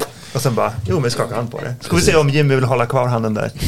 Alltså jag, jag tycker att det är ovärdigt från alla håll, det, alltså det som händer eh, faktiskt. Mer från vissa håll än andra. Men, Jo, jo, men det- jo, jo, det- jo, jo absolut. Ja. Men, men ingen utan skuld. Ingen är utan skuld. Men alltså jag hittar inte någonting vettigt på Sverigedemokraterna. Nej, jag blev förvånad. Nej men det finns, det finns deras, alltså, de- har typ ingen, alltså de har ingen information om någonting. Alltså, det- så. Det är ju ett genialt PR-trick. Brott och straff. Eh, Ja. De vill eh, avskaffa mängdrabatten, kraftigt höja straffen. Avskaffa mängdrabatten är jag emot faktiskt. Eh, vi, vi, kan inte Ja. ha, vi kan inte ha att, att 100 snatterier skulle ge ett lika hårt straff som ett väpnat rån till exempel. Nej, det finns väl inget land som har det Nej, systemet. nej. Alltså så här, eh, precis, vi må, det kallas för aspirationsprincipen, Jo. mängdrabatten. Det måste vi ju ha på, mm, på något sätt. Jo. Men, men eh, alla, alla tar ju USA som ett exempel. Eh, att till exempel i USA, där kan man ju bli dömd till 100 års fängelse för typ, ett, ett, typ 10, 20 brott. Och det kan man bli. Jo, det kan man bli. Men grejen är att det som många inte verkar känna till det är att i USA så, så, liksom, så, så beaktar man ju mängdrabatten vid verkställigheten. Så att du kan Mm. Inte liksom vid bli, dömandet. Nej, inte vid dömandet. Så Nej. du kan bli dömd för 100 brott och sen får du ett år var där för de här 100 brotten och då blir det 100 år sammanlagt. Mm. Men då är det vid verkställigheten så beaktar man det att man inte sitter av för lång tid. Precis. Däremot kan man ju alltid diskutera om det aspireras för hårt eh, eller inte. Men, men sagt, någon typ av aspiration måste vi ha. Alla Ja, det måste man ha. så, så att Absolut. det här exemplet med alltså att i USA kan man visst göra så här, det är ju ett felaktigt exempel. Och, ju, och just aspirationen brukar ju föranleda en del diskussion mellan försvararsidan och åklagarsidan när, när vi kommer just till, till det samlade straffvärdet. Där är vi ju, jag skulle säga att det kanske är den punkten jag oftast är oense med åklagare om. Om vi tittar på the average brottmålrättegång. Ska, ska jag säga, här, här är också en, ett intressant förslag från Sverigedemokraterna. De vill införa nolltolerans för brott, eller mot brott. Oj! Nej men, Ebba är ju rökt. Hon kan ju inte ingå i någon kollision med dem. Ja, nolltolerans mot brott, det, Ja, det, det är ju fruktansvärt. Nej, ska jag bara. Jag tror vi har redan en nolltolerans för brott. Vad skulle vi göra då? Ja. Men alltså? Det, det, jag tror att det är det som är anledningen till att Söderlind är så, är så rädd för att man ska straffa återfallsförbrytare hårdare. Då försvinner ju hans inkomstkälla. ja, det var ju katastrofalt. här är en annan sak de vill göra. De vill förändra kriminalpolitiken i grunden för att värna goda samhällsmedborgare. Ja, det säger ju ingenting. Nej. Hur då? Eh, jag brukar tänka om ett, om ett förslag är värt att bemöta politiskt. Då ska, man, då ska man vända på förslaget. Skulle någon säga jag vill inte ha en kriminalpolitik som, som värnar goda samhällsmedborgare. Nej, ingen ska gå till val på det. Och då Nej. är det inget konkret förslag. Okej, men här då. Eh, Bra nu, tips. ett mer konkret förslag. Då. Nu ska jag sluta raljera egentligen för att det, det är lite taskigt. Eh, återkalla uppehållstillstånd och eh, om möjligt medborgarskap för invandrare som begår grova brott. Vad tycker ni om en sån idé? Ja, vi kan ju enligt vår grundlag inte återkalla medborgarskap. Det går ju inte att göra. Nej. Och Så med- det krävs en grundlagsändring Och till att börja med. medborgarskap ska väl vara permanent. Absolut. Eh, däremot uppehållstillstånd, ja det kan vi återkalla. Det gör vi ju per definition när vi utvisar folk för brott. Ja, i och för sig många som utvisas har ju faktiskt inte uppehållstillstånd men är kvar ändå. Så är det. Men, men undrar om Alltså, de tänker sig rent praktiskt här. Om, om någon har fått medborgarskap och inte har dubbelt medborgarskap. Ja. Nej, men jag tror inte det går att utvisa en sån överhuvudtaget. Jag tror Nej. inte internationell, rätt- jag tror inte inter, internationell rätt godtar att, Nej, man, det gör det inte. att någon person är utan medborgarskap. Nej, det går inte. Så är det. Så, så att man, man, om, om man inte har dubbla medborgarskap så, så är det rent tekniskt inte... Det, andra länder godtar ju inte att vi återkallar ett medborgarskap i så fall. Då kommer Nej. den personen anses som svensk medborgare oavsett. Ja, ja. Så det här är ju rena luftskott, givetvis. Däremot skulle det vara intressant att veta. Är det något europeiskt land som återkallar medborgarskap? Jag har för mig att jag har hört det. Men jag Jag vet att inte. Finland har gjort det. Utvisa en, en finsk medborgare. När du säger det, För att han levde ett kriminellt liv. Fast hade han finskt medborgarskap? Ja, jag, Ja, jag, alltså det ringer någon det klocka det där. Jag är lite osäker. Körde man till Haparanda eller? Nej, men typ... Jag kommer inte ihåg var han var ifrån. Men, men han Jag har en minnesbild att man är somalier faktiskt. Ja, men kan det vara det. Eh, Okej, eh, utöka tillgången på anstaltsplatser i och utanför Sverige. Anstaltsplatser utanför Sverige. Men Det är lite uppseendeväckande. det är väldigt uppseendeväckande. Den svenska politiken ska alltså sträcka sig utanför rikets gränser. Ja. Alltså hur... Ska vi hyra in då fängelseplatser? Jo, Jag tror det är tanken. Enligt, enligt förslagsställaren. vad tror Mm. eh, Alltså rent tekniskt är det ju möjligt. Om, det är ju inga problem i sig. Problem, ja, alltså nackdelen, alltså problem, det finns ett problem i att vi tappar kontrollen över vad som händer med dem. Men Ja, ja. jag tänker väl att det, de som förespråkar det här tycker att det inte är ett problem. Men, men, Nej, det, men jag det är ju skulle, jag intressant skulle säga det. Ja. Jag tror att det är precis det de vill, att vi ska tappa kontrollen över det. Nej, alltså en sån grip- ingripande sak som fängelseplatser måste vi hålla inom landet för att garantera Håller helt med. eh, Att, att det sköts på ett bra sätt. Men, men det intressanta är ju just det här att när jag kör till jobbet varje morgon så sitter ju Sverigedemokraternas valplakat bland annat längs, längs eh, leden jag färdas längs. Eh, det blir mycket längs där i en och samma mening och jag tar en snus samtidigt. Men hur som helst. Utvisa invandrare som begår brott, tror jag att det står på den. Eller Ja. utrikes medborgare. Jag är lite osäker i alla fall. Men, men, men det här verkar ha fått lite effekt. Det, händer ju att man stöter på folk som på riktigt inte har förstått att vi faktiskt utvisar icke-svenska medborgare som begår brott. Christian Eh, skakar då- inte på pennan. Va?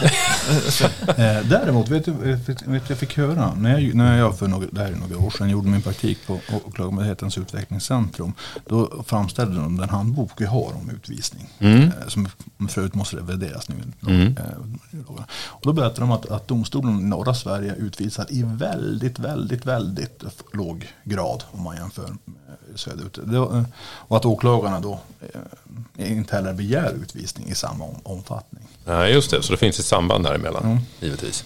Ja, nej, men alltså, det, det, det, det tycks ju finnas medborgare som inte riktigt har förstått det här att vi faktiskt utvisar människor idag som begår brott. Sen som du, jag vet inte om det var du, Christian eller Jonas som var inne på det, att det kan ju finnas verkställighetsproblem med det här givetvis. Om länderna inte tar emot dem och det finns internationell rätt som kan sätta käppar i hjulet. Men, men, och, och det kommer ju finnas kvar, givetvis. Även om man utökar, eller om man ökar antalet utvisningsbeslut. Den, den biten rår vi ju inte på. Nej, det gör vi inte.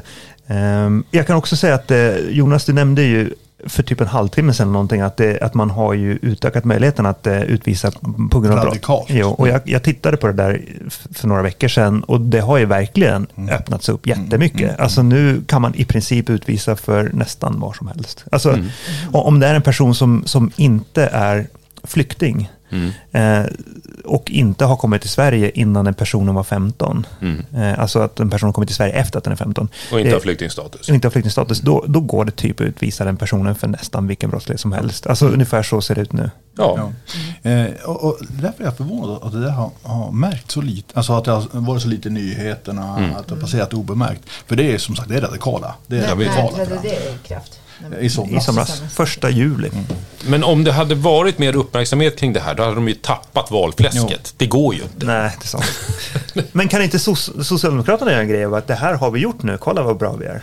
Ja, de har ju tryckt på det förvånansvärt lite i valdebatten i alla fall, tycker jag. Av det jag har sett. Ja. Eh, sänka straffmyndighetsåldern ett förslag från Sverigedemokraterna. Nej. Nej. Ja, jag har fått för mig att de menar att det ska vara 13 år. Det var jag, vad jag hört. Jo. Nej, Nej. Nej. Nej. vi behöver inte utveckla det där. 15 Dumt. känns väl avvägt. Ja, ja, jag håller med. Eh, och sen så har vi höja skadestånd till brottsoffren. Men det har man ju redan gjort. Ja. Det gjorde Ja. man ju i somras. Ja. Då har man, man har ju i princip fördubblat dem. De har inte uppdaterat sidan. Nej, jag tror inte det. Ehm, de ska också införa betald polisutbildning. Det har egentligen inte med vår verksamhet att göra. Nej, indirekt, men inte direkt. Ja. Eh, och visst hade eh, Sverigedemokraterna också eh, idéer om var det de som hade förslaget om eh, internering? Jag vet inte vem som har det. Det, det växer då och då. Och eh, det hade vi fram till 81 i Sverige. Mm. Det är ju individualpreventionens extrema eh, ytterkant. I Norge har man det fortfarande. Det är där Breivik hamnar. Ja. Den dagen det är. Med att- all säkerhet. Jag tror att det var Sverigedemokraterna som föreslog det, internering, det vill säga att man eh, att, att grovt kriminella personer ska Omhändertas, in- kan man säga. vara inlåsta tills det kan visas att de är alltså, ofarliga för samhället. Just det. Och, och det där är ju ingenting i, i sig någonting konstigt eller främmande för Sverige, för det har vi haft Mm. eh, tidigare. Och det finns ju i Norge. Så, så att egentligen så är det ju inte liksom en jättekorkad och dum idé. Eh, Hur fungerar det rent praktiskt i Norge? Alltså jag tänker på själva utslussningsförfarandet. Vem är det som... Ja, det är domstolarna som ytterst givetvis beslutar om de är lämpliga att komma ut. Men, men vad, vilket underlag bygger de sina bedömningar på? Vilka är det som yttrar sig i den frågan? Åklagaren bör ju rimligtvis vara den ena sidan. Gissningsvis. Eh, Jag kan tänka mig utan att veta att det lär vara lite, lite liknande som livstidsprocesserna är, i Ja, Sverige- i Sverige. Som de har blivit med, nu nu är det, när det är ett domstolsförfarande. Vi ansökan om tidsbestämt. Ja, och då avger ju Rättsmedicinalverket bland annat yttrande om återfallsrisk. eh, och så det. liknande. Ska vi gå igenom övriga partier? Jag vet inte, vi har det, Nej, det- Miljöpartiet, det- Liberalerna är väl det som vi har Jag kvar. säga, finns det några övriga partier? Ja, nej men det, det hinner vi nog inte med. Men jag tänker det, också det att vi har, alltså egentligen också så att det vi har gått igenom nu är ju de mest uppseendeväckande förslagen från de större partierna. Jag vet inte om Liberalerna, Miljöpartiet eller Centern Mm. har lämnat några, någonting som verkar konstigt heller. Några Mm. förslag. Nej, ska, vi- ska vi sammanfatta det här lite grann? Alltså, allmän, liksom reflektioner rent allmänt kring, det- kring valdebatten som har varit just vad gäller kriminalpolitiska frågor. Vad, vad har ni för känsla kring det här? Hur skulle ni beskriva det? Som åklagare är det naturligtvis eh, glädjande att, um, att rättsfrågor får ett, en stort utrymme. Så har du, brukar ju inte vara Nej. i, i svensk eh, po- politik eh, direkt. Så det är skönt. Vissa förslag är ju mer genomtänkta än andra kan man ju lugnt Kan man säga. Anna? Jag tycker det har fått väldigt stort, Alltså, så stort utrymme och verkar vara en så stor fråga som jag, ja, jag kan tycka att andra frågor är, borde vara mer viktiga för gemene man som, som inte förmodligen kommer drabbas av de här gäng, gängbrottsligheten och så vidare. Det kanske är viktigare med sjukvård och skolor då. Jag, jag tycker det är märkligt. Du tog orden ur min mun. Jag, jag tycker också att det, nej, att det är oproportionerligt vilket utrymme det här har fått. Sett till vad som borde Ja. vara på tapeten. Vad som påverkar gemene man Mm. i, i, i det vardagliga livet som Och, och medborgare. jag, jag tror att anledningen till det är att man behöver inte vara särskilt gammal för att minnas en tid när vi inte, ha, när, när vi inte hade skjutningar. För nu har vi varje dag Mm. skjutningar i, i Sverige. I våra grannländer, till exempel Norge, gick eh, ett kvartal utan Mm. en skjutning. Att många känner, eh, känner att någon, någonstans har det gått fel. Jo, det Absolut, och det ska man inte förringa. Men, men man, om man tänker mer på vad som faktiskt i, i, alltså procentuellt sett påverkar gemene medborgare så är ju till exempel som du är inne på Anna, vård, skola etc. Det, det är ju saker som har faktiskt påverkan. Gängskjutningar har ju inte faktiskt påverkan för gemene man. Så är det ju om vi tittar på hur Förutom, många som ja, drabbas av det. alltså det där är ju lite sådär en typisk eh, vit medelklassperspektiv Ja. som bor i en villaförort. Om du hade bott i Kista eller Akalla så hade det varit lite mer Ja, det är klart att det har påverkat. Men om vi, om vi tittar på liksom vad som rent påverkar flest människor och gör ett likhetstecken med vad som borde vara de stora valfrågorna. För att de här stora valfrågorna som jag menar, vård och skola, jag menar, det har ju också i slutändan koppling till hur, varför det faktiskt ser ut som det gör på de här ställena och påverkar även de här människorna.